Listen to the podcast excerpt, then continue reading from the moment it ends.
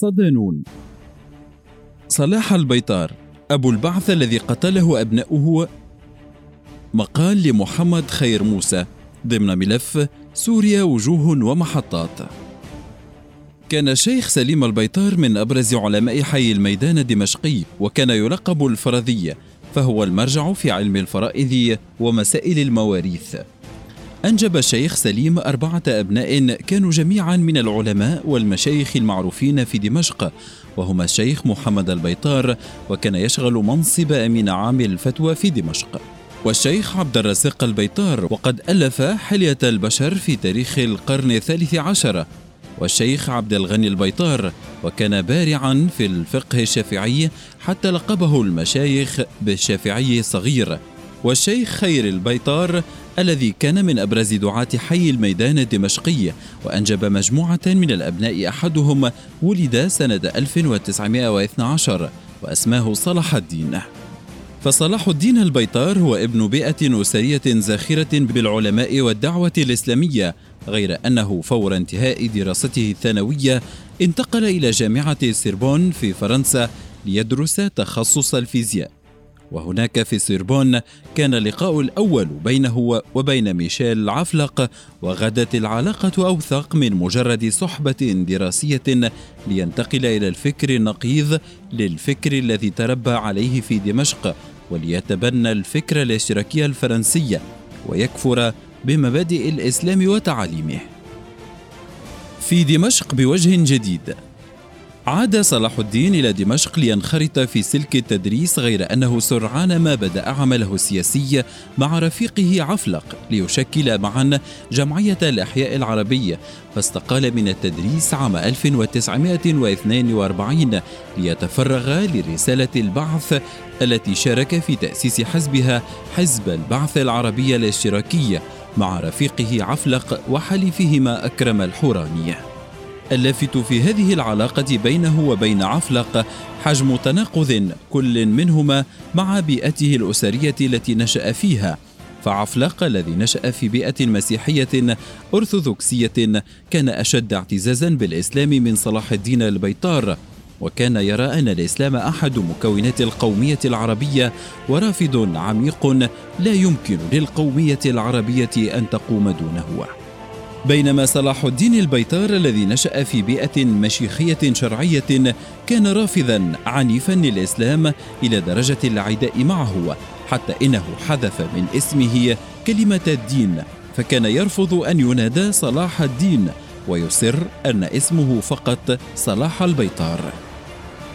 مع الوحدة ومع الانفصال كان صلاح البيطار من أوائل الموقعين على وثيقة الوحدة بين سوريا ومصر ومن أبرز الداعين إليها وكانت المفاجأة أنه أيضا كان من أوائل الموقعين على وثيقة الانفصال وإنهاء الوحدة عام 1961 وهنا برز الموقف المتناقض بين البعثيين والإسلاميين. فالبعثيون المنادون بالقومية ورافعو شعار الوحدة العربية كانوا أول من وقع على وثيقة الانفصال وإنهاء الوحدة بينما الإسلاميون الذين ذاقوا الويلات من جمال عبد الناصر ونكل بهم نظام الوحدة تنكيلا فظيعا رفضوا رفضا قاطعا التوقيع على وثيقة الانفصال وكانوا كلهم يرددون عبارة الأستاذ عصام العطار الوحدة أكبر من أخطائها. أصدرت قيادة البعث الجديدة عام 1969 حكما بالإعدام الغيابي على البيطار. وعندما ارتفعت الأصوات الشعبية مستنكرة هذا التناقض البعثي الصارخ بين المنطلقات النظرية والأهداف المعلنة في الوحدة والحرية والاشتراكية والتطبيق العملي السلوكي سارع صلاح البيطار إلى إعلان سحب توقيعه على وثيقة الانفصال في محاولة لحفظ ماء الوجه. معلنا أن سبب سحب توقيعه على وثيقة الانفصال هو ما تبين له من أن هذا الانفصال ضد وحدة النضال في الوطن العربي. ولكن ما فائدة هذا بعد أن انتهى كل شيء وقضي الأمر. رئيس الوزراء البعثي المنقلب والمنقلب عليها.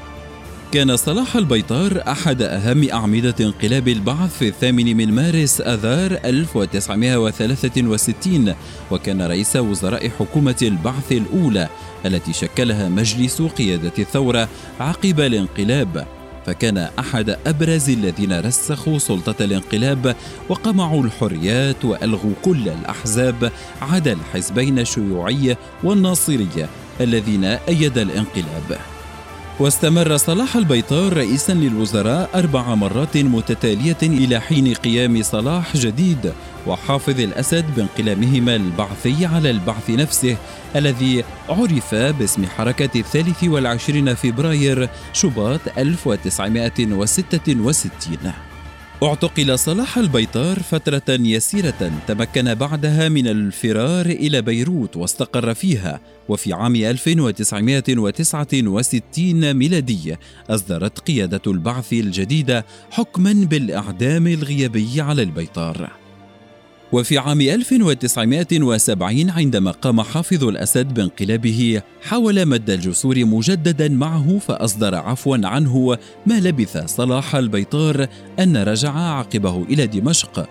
وعندما شعر أن حافظ الأسد يريد استغلاله لمآربه الشخصية ويتخذه وسيلة لتثبيت أقدامه في الحكم سارع بالمغادرة إلى باريس وأقام بها. الصراع البعثي حتى الرمق الأخير. شعر حافظ الأسد بأن وجود ميشيل عفلق في بغداد يمثل ثقلا محرجا له. كون عفلق الأب الروحي لحزب البعث فاتصل مجددا بصلاح البيطار أبرز الآباء المؤسسين مع عفلق عام 1978 ودعاه إلى دمشق واجتمع معه على مدار أكثر من خمس ساعات كانت عاصفة. وفشل حافظ الأسد في إقناع صلاح البيطار بالإقامة في دمشق ليكون ثقلا مكافأ لثقل وجود ورمزية وجود عفلق في بغداد عند صدام حسين عدو حافظ الأسد اللدود. وبعد الاجتماع مباشرة رجع البيطار إلى باريس وفيها أعلن إصدار مجلة الأحياء العربية. مستعيدا بذلك اسم الجمعية الأولى التي أسسها مع رفيقه ميشيل عفلق. ورغم أنه أصدر هذه المجلة ففي الحقيقة لم يكن يمتلك ذخيرة أو أثارا فكرية كتلك التي كان يملكها رفيقه الأب المؤسس عفلق. كانت هذه المجلة منبرا لمعارضة نظام الأسد ومركزا يلتف حوله أعداء حافظ الأسد من القوميين والبعثيين وغيرهم. حتى بدأ حافظ الأسد يستشعر أن صلاح البيطار غدا يشكل خطرا على نظام حكمه بما يملكه من إرث بعثي تاريخي.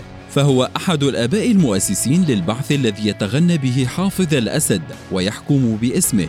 ومن جهة أخرى بدأت بعض الأنظمة العربية المناهضة والمعادية لحافظ الأسد بالتواصل معه.